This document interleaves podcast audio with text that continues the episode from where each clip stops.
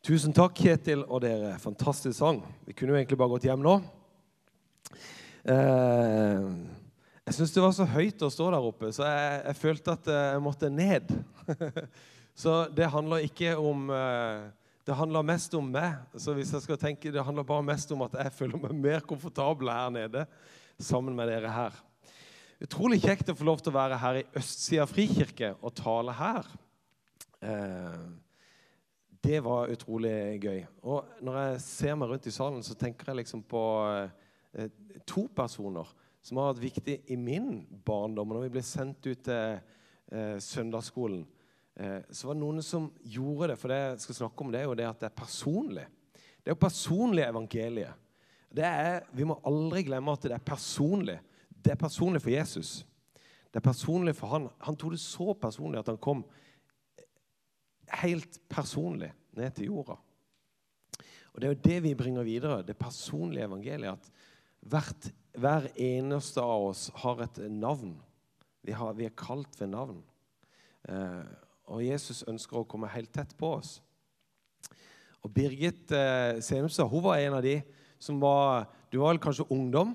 Men uh, du var i alle fall, jeg husker at jeg var veldig liten, men, men da, da, var du der. Fordi det var personlig for deg, så ønsker du å dele det videre.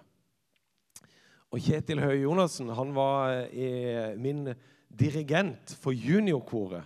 Og for han var det også personlig å gi evangeliet videre. Så jeg har jo vokst opp i den hva ble det? Mora deres, holdt jeg på å si. Kristiansand frikirke, som er planta ut eh, inn til østsida frikirke. Og har vært med i den eh, prosessen. Når jeg jobba der, så var, det liksom, var jeg med litt oppe på Gimlekollen og var med helt i den der spede starten av, av østsida frikirke sammen med Øyvind Augland.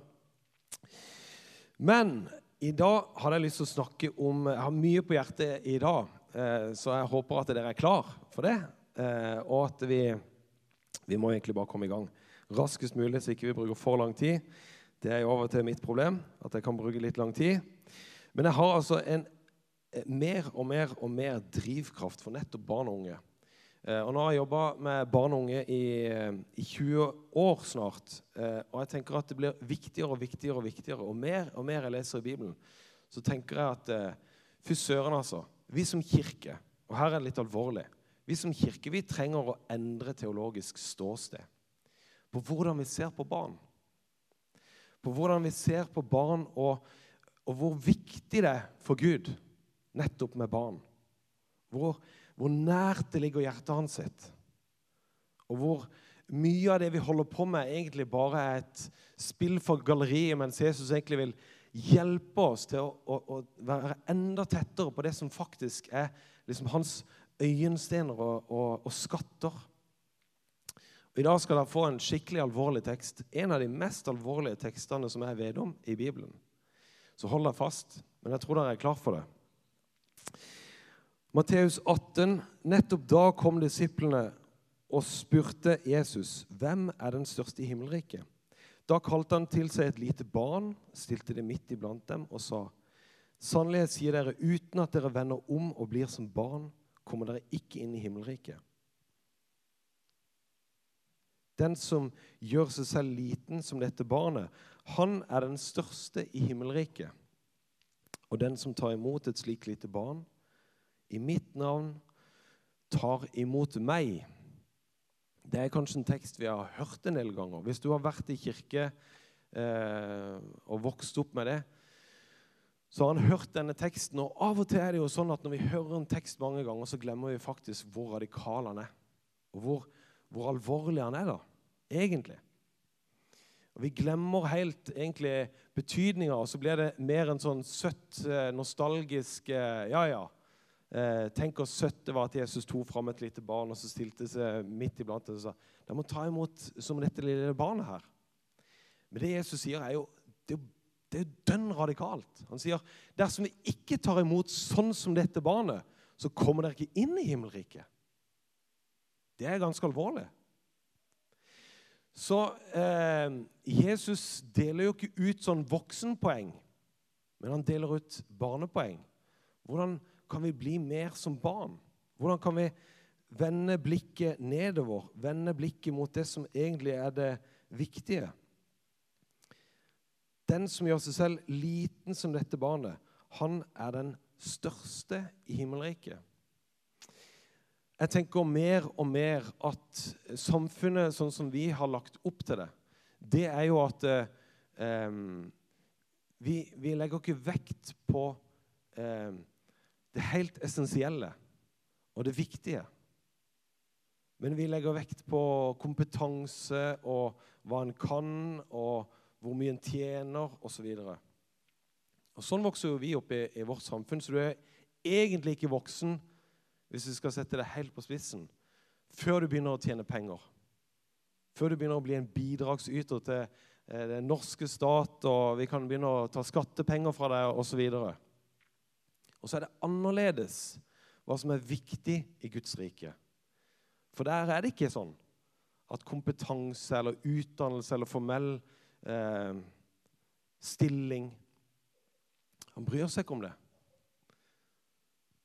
Han bryr seg om de helt nære tingene. Ser du meg nå? Kan du gi meg en klem? Kan du være tett på meg nå? Kan du eh, Har du tid til meg å ta meg på fanget? Det er det som er så deilig med barn. Det er fantastisk med barn. De driter i alle titlene dine. De bryr seg ikke om du er konsernleder, eller om du er, tjener én eller to eller ti millioner. De gulper på deg uansett. Eller så bryr de seg om at du kryper på gulvet der. Altså, de, de bryr seg katten om din posisjon og hva du har fått til i livet, og som du kan krysse av, og som de ikke er gamle nok til å kunne lese. De bryr seg bare om du vil være der. Om du vil ned der, om du vil se der, om du vil krype på gulvet på den dressen din som koster et eller annet x antall tusen kroner De bryr seg ikke om det, om det er hull på den. Og Jeg tror det er liksom helt i de essensielle tingene som Jesus egentlig sier. Hvis du skal, hvis du skal skjønne mysteriet i himmelriket, så må du, du må ta på deg øynene som barn. Som ikke handler om at eh, 'se på meg og hva jeg har fått til' men som handler om se på meg og se hvem jeg er. Og kjenne meg. Og Det er jo nå det begynner å bli alvorlig. Av og til har jeg stoppa her med denne teksten og så tenkt at eh, ja, det var søtt og koselig osv. Nå kommer noe av det mest alvorlige jeg vet om i Bibelen. Hør på det. Det er konteksten til dette. Men den som lokker til fall en av disse små som tror på meg Nå må dere holde deg fast. Han var bedre tjent med å få en kvernstein hengt om halsen og bli senket i havets dyp. Ved denne verden som lokker til fall, forførelsene må komme, men ved det mennesket som de kommer fra. Om hånden eller foten din lokker deg til fall, så hugg den av og kast den fra deg. Det er bedre for deg å gå lemlestet eller halvt inn til livet enn å ha begge hender eller begge føtter og bli kastet i den evige ild. Om det ene øyet lokker deg om øyet ditt lokker deg til fall, så riv det ut og kast det fra deg. Det er bedre for deg å gå enøyd inn til livet enn å ha begge øyne og kastes i helvetes ild.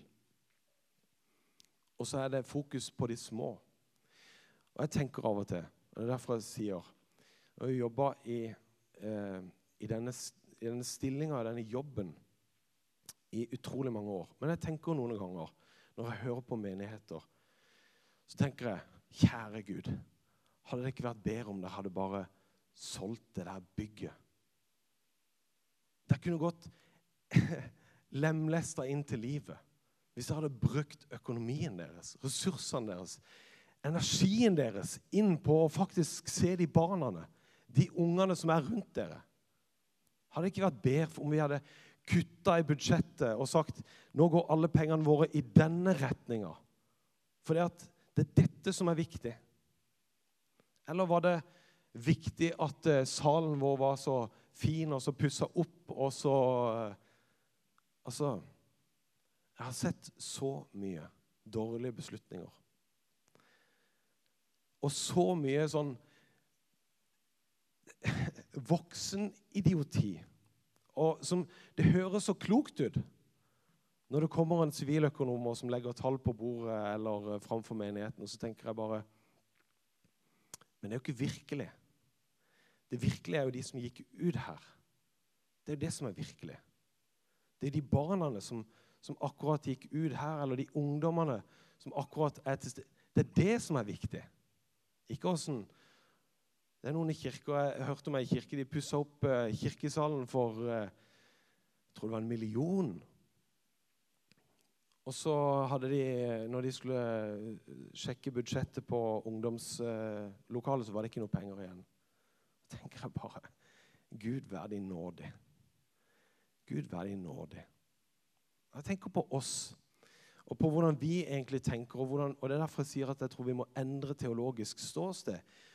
Hva, hva er våre prioriteringer sånn dypt inne? For Jesus sier hvis du lokker til fall av disse, en av disse mine minste det er, jeg, jeg, orker ikke å tenke på det, men tenk det. Det er ganske bildelig med å få det bedre om du får en kvernstein rundt halsen og blir senka i havets dyp. Da trenger vi ikke alle å egentlig bare legge oss på kne og si Gud vær oss nådig. Gud vær oss nådig i dag i våre beslutninger og prioriteringer og hvordan vi ser på tingene. Og så et vers som jeg har holdt på med å bale med det siste halve året. Og som gir meg en ærbødighet samtidig som det gir meg glede. Pass dere for å forakte en av disse, eneste av disse små. For jeg sier dere, og det var det jeg sa til de andre, de barna før de gikk ut de har sine engler i himmelriket som alltid ser min himmelske fars ansikt. De har sine engler i himmelen som alltid ser inn i min himmelske fars ansikt. Tenk deg det. Disse små som er her, og som var her. Gud har, har liksom utpekt en engel, en, en, en engel til hver av dem, som alltid kikker inn i Guds fars kjærlige ansikt. Alltid. Alltid. Og så tenker jeg, Da blir det litt sånn når jeg ser på mine barn Jeg har tre gutter. Eller når jeg ser på disse, så får jeg en liten sånn reminder hele tida fra, fra, Gud som sier Pass deg. Pass deg. Hadde, har en egen engel som vokter over dette barnet, og som alltid kikker inn i Guds, min fars, hellige, kjærlige ansikt. Så vokt deg for hva du sier, og hvor, mye, hvor liten du gjør det, og hvor viktig du skal være i forhold til dem. Og så gir det meg en glede, for det er jo det er jo ikke alle barn på Gimlekollen som er her. De er jo ikke i kirka, eller de har ikke et fellesskap. De har ikke et sånn et sted å gå til. Og så gir det meg en enorm glede å tenke på at det er ikke sånn det står ikke i Bibelen at alle kristne barn har fått en egen engel. Det står alle barn, alle disse minste, har fått en engel. Og er helt overbevist om at i noen hjem på Himmelkollen i dag så trengs den engelen ekstra. I noen barn, i noen hjem på Himlekollen i dag så trengs den til å stå opp for dem, til å forsvare dem, til å være der for dem. Så det er personlig. Det er personlig hvordan vi tenker om barn, og hvordan Gud får lov til å lede oss og tenke teologisk om viktigheten av barn. Det er personlig for meg om hvordan det tar, tas beslutninger i menigheten, og hva vi tenker er viktig. Og så har jeg lyst til å snakke til dere om hvordan dere kan gjøre det personlig. Hvordan dere kan gjøre det personlig med de barna, og også de som sitter ved siden av deg, sånn at du virkelig får eh, knokke inn på det. Og Det første spørsmålet, som egentlig gjør det personlig, da, det er jo å stille spørsmålet hva heter du? Hva heter jeg? Det er av og til at vi må skrelle noen lag eh, på hverandre etter hvert. Jo, jeg heter Håvard eh, Haugland, er gift og har eh, tre barn. En på ja, Hvor mye er de blitt nå, da? De er 7, 10 og 13 år er de blitt. Og så er det jo et sånt litt overfladisk spørsmål på ett vis. Men så samtidig så har det litt betydning at du kan navnet. Fordi at eh, hvis, du, eh, hvis jeg hadde liksom skulle kommet, eh, kommet hjem hjemme og så bare Du, eh, Kirsti, var det ikke det du het? Nei, nei, nei det stemmer. Du. Det er Karianne, ja. Det er det som er, du heter, som er kona. Så hadde, dere skjønner, det hadde betydd noe. Jeg hadde en kamerat av meg, veldig god venn. og Han visste at kona mi Jeg visste at han kjente meg. Og så sier han du, hun der, Og så brukte han et helt annet navn på kona mi. Og så merka jeg at det, det skapte en avstand på et eller annet vis. Så sier han liksom eh, Du eh, Jeg husker ikke hva han kalte det, om det var Hilde eller et eller annet sånt. Og så, så tenkte jeg ja, bla, bla. og så prata vi videre. Men så merka jeg liksom Men du kjenner meg jo ikke helt. I Bibelen så står det 'Jeg har kalt deg ved navn. Du er min'. Når Maria er begrava eh, og i dyp fortvilelse over at Jesus har, er borte, så møter hun det hun tror er en gartner. Og Så snur gartneren seg til, til henne og så sier han, 'Maria'. Og Idet han sier navnet hennes sitt, så skjønner hun hvem det er. Så sier hun 'Mester'. Rabuni. Det er jo det. Så navn er viktig. Og det er personlig. Du har fått kalt et navn, og Jesus han har kalt deg ved navn og sagt 'Du er min'. Det er det første viktige. Nå kommer det et lite strippeshow her. Jeg kan bare betrygge dere om at det, eh, det blir ikke vilt. Det blir ikke vilt. Og det, det blir sømmelig helt, eh, helt inntil siste T-skjorte, og den blir på. Så bare sånn at dere skal roe dere ned. Men det første Gjør det personlig. Hva heter du?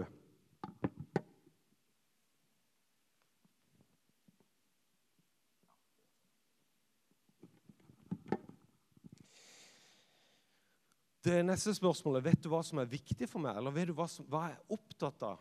Vet du hva som jeg bryr meg om? Um, jo, jeg heter Håvard Haugland og jeg er gift og har tre barn. og jeg, For tida så er jeg veldig opptatt av spikking. Det er helt ærlig. Det er mest opptatt av å tenke oss over. Ligger rett før jeg sovner, så tenker jeg hvordan kan jeg spikke denne figuren her. Eh, så det er det jeg ligger og, og tenker på om dagen. Men det sier jo noe om interessene. Eh, Jesus gikk på stranda, og så, så, så noen som satt med en båt. Og sier han, 'Hva holder dere på med?' Hva er det dere er opptatt av? Vi holder på å fiske, eller vi holder på å bøte garnet. Og så sier han, 'Kom og følg med'. Men kjenner vi de rundt oss, og kjenner vi de som er her? Vet vi egentlig hva de, Kan vi navnet sitt? Vet vi hva de er opptatt av? Vet vi at de, de holder på med håndball eller fotball, eller hva de egentlig Hva, hva som driver de på, på fritida, og hva, hva, de egentlig vil? Eh, liker du kald eller varm sjokolade? Skal vi ta en liten eh, poll på det? Freia melkesjokolade. Kald, kald sjokolade. Hvem liker det? Ja, det er noen. Varm sjokolade, høyt opp. Ja, Dere har enda ikke skjønt det, men uh, det er greit. Eller dere har egentlig skjønt det for dere vet at det er der smaken kommer best frem. Men vet du hva jeg er opptatt av? Vet du hva som er mine interesser? Og så går vi videre.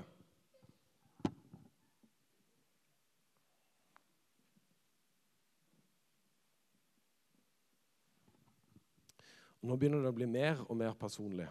Vet du hvor jeg bor? Kan jo høres ut som et overfladisk spørsmål. Ja, jeg bor i Havreveien 29.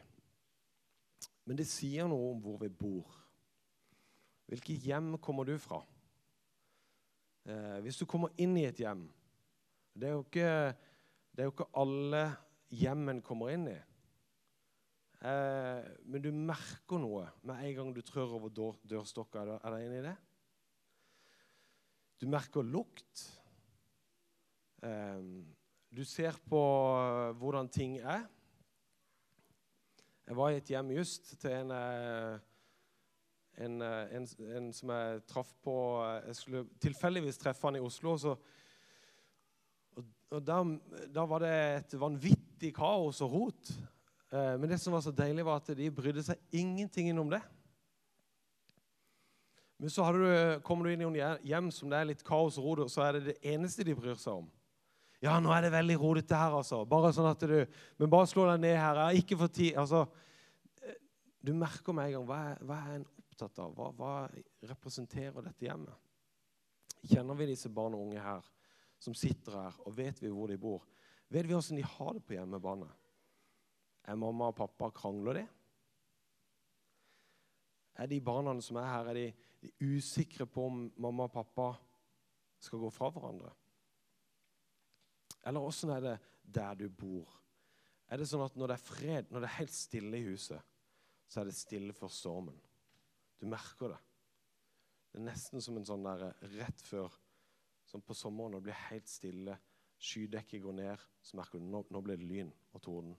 Er det sånn? Eller er det sånn at det, når det er helt stille og rolig i huset, så er, det, så er det bare godt å være der? Det er godt å være der. Sånn er det der en bor. Og For at vi skal komme til det skrittet der, og for at vi skal kunne formidle hvem Jesus er, så trenger vi å gå alle disse stegene her. Vi trenger å gå disse stegene og fortelle om hvem Jesus er. Først med å vite hva de heter, hva de er opptatt av, og hvor du bor. Det er jo derfor vi har smågrupper, og derfor dere har smågrupper. For det er inni hjemmene deres. For at det er personlig. Det er fordi at ikke vi skal treffes i et kirkebygg, og at det er det, viktigste stedet, men at kanskje det viktigste stedet, det er hjemmet.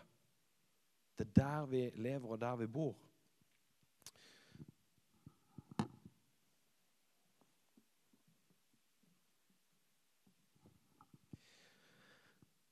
Og det er kanskje når vi har letta på sløret på vet hva jeg heter, vet hva jeg er opptatt av, vet hvor jeg bor, at en tør å kanskje si 'Vet du hva jeg har gjort?' På godt og vondt. Um, i kirka så har vi et sted hvor vi går, hopper rett til dette spørsmålet. Men det er veldig unormalt å hoppe rett til dette spørsmålet. Vet du hva jeg har gjort? Du ville aldri gjort det med en kollega som du har truffet for første gang. Men vi har en anledning til det gjennom forbønn. Så har vi en anledning, og det er en fantastisk arena. og Det skal det jo være etterpå. Hvis du tenker at jeg trenger forbønn, så kan du komme til noen trygt med alt det du har gjort framfor Guds øyne. da. Og så kan du si 'Se, her er det.' Og så har du en person som ber for deg. Men vanligvis er det jo ikke sånn. Vanligvis er det jo sånn at du må kjenne noen. Og i alle fall barn og unge. De vil aldri komme, du vil aldri komme inn på dem på dette spørsmålet hvis ikke du har gått den veien før der. Vet hvor de bor, vet hva det er, hva de er opptatt av. Hvis ikke du har tatt deg tida, ikke gidder å bry deg om Hvis det bare er en sånn en ting, men hvis det er en ekte relasjon så er dette viktig. Og vi har jo alle våre historier. Vet du hva jeg har gjort? Noe av det kjipeste jeg har gjort Eller ikke noe av det kjipeste, en av de kjipe tingene jeg gjorde. Jeg har gjort mange dumme ting. Det var, var avslutning på ungdomsskolen. Det var siste, noen av de siste timene våre i gym. Og eh, og da, da, vi, da, var vi gira på å ha frilek i den gymtimen. Vi skulle bare avslutte tre år på ungdomsskolen. Ikke noe stress, ikke noe styr. Nå har vi fulgt uh, pipa til, til, dere i så mange år. Nå, nå var det lek og moro. Og jeg, jeg, vil si at jeg var egentlig ganske snill og uh, hørte på lærerne. Det sier jeg til mine barn, og de, det tror de ikke på, men det er faktisk sant. Men akkurat denne gangen, når læreren da eh, for B-klassen sa Vi sto i samme gymsal. B-klassen, det er frilek. Og de bare yeah! Og så kommer eh, læreren vår. A-klassen, dere skal møte i, i, i Jegersberg. Nei, i Baneheia. Jeg gikk på Grim.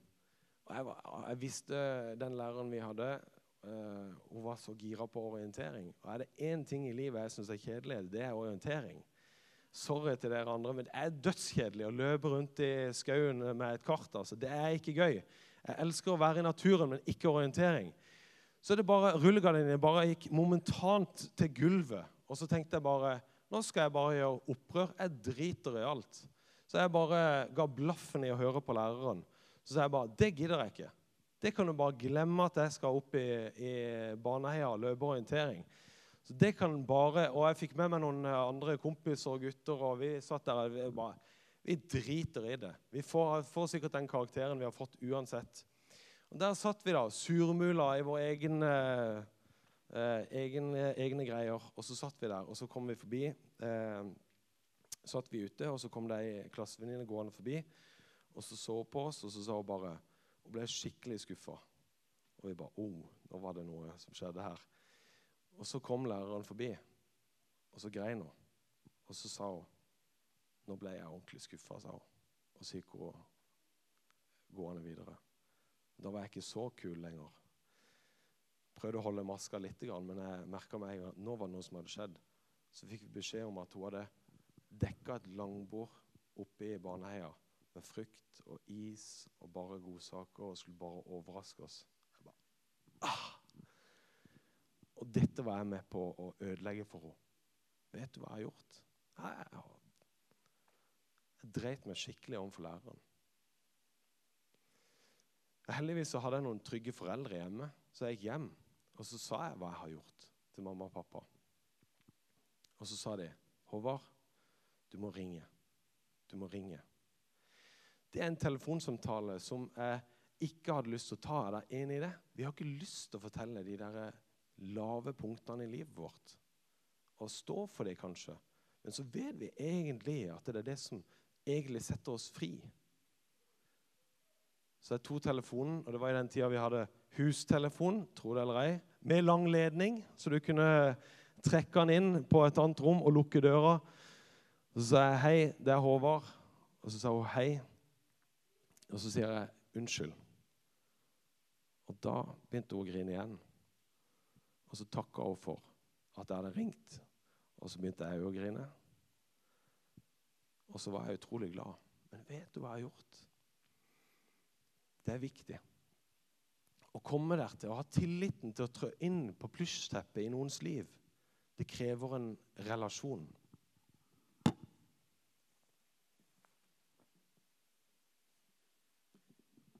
Slankere og slankere, så vet du hva jeg kan.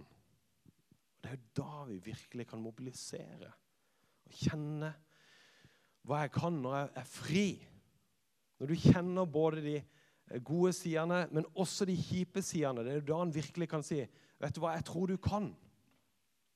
Og Det er derfor Gud kaller disse små. For han kjenner dem, fordi de er ærlige. De har ikke noen masker og fasader og skjule og ting og tang. Gud kjenner dem, han vet hva de har gjort, både på godt og vondt. Og sier han, men jeg vet også hva du kan. Jeg vet også hva, hvorfor jeg skapte deg, og hvilket potensial du har. Det var derfor han kalte tolv ungdommer, for det var jo det disiplene var alle garantert under 20 år, til å være med for at du skal sitte her i dag.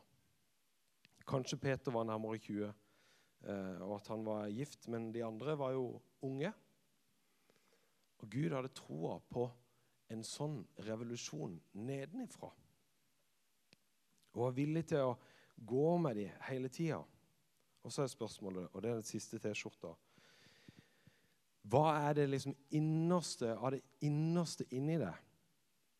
Og En gang så var jeg på et seminar og så fikk jeg beskjed om å finne ut hva er det som er dypet av meg.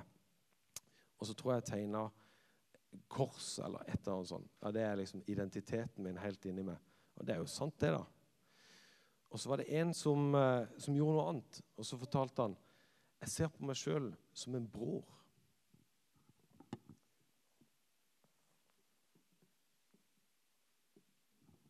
Jeg ser på meg sjøl som en bror. Og så tenkte jeg Det er det som er sant. Det er det som er innerst hos meg. Når jeg ble døpt av Sverre Jølstad i Kristiansand frikirke, så ble jeg døpt inn i en familie og ble døpt til å være en bror. Jeg ble døpt til å være en bror sammen med mine søsken. Om de er 100 eller om de er null, så er jeg en bror. Det er det som er det innerste av meg. Det betyr også at mine barn er bror til. Og Vi har eh, hatt den samtalen. Jeg har den med mine barn. Så sier jeg jeg er din far, men så er det sånn også at eh, vi har en felles far. Og det betyr at vi også er brødre. En dag så sa han, eh, han ene av de til, til meg så sa han, Pappa, jeg har to pappaer. En som aldri gjør noe galt, og en som gjør noe galt. Så sier jeg ja, det er den siste det er med. Ja, sa han. Det er det. Og så sier jeg ja, det er jo derfor. Det er jo helt sant. Jeg gjør jo galt. Men det er jo derfor jeg også trenger den faren der, som du har, som aldri gjør noe galt. At jeg kan løfte blikket mitt til han, og at jeg kan si noe om at Gud hjelper meg å være far for mine barn. Det er det innerste. Og Hvordan blir det når vi vender blikket nedover og ser på disse rundt oss? Når vi ser på disse barna som bror og søster. Du er ikke konsernsjef, du er ikke direktør.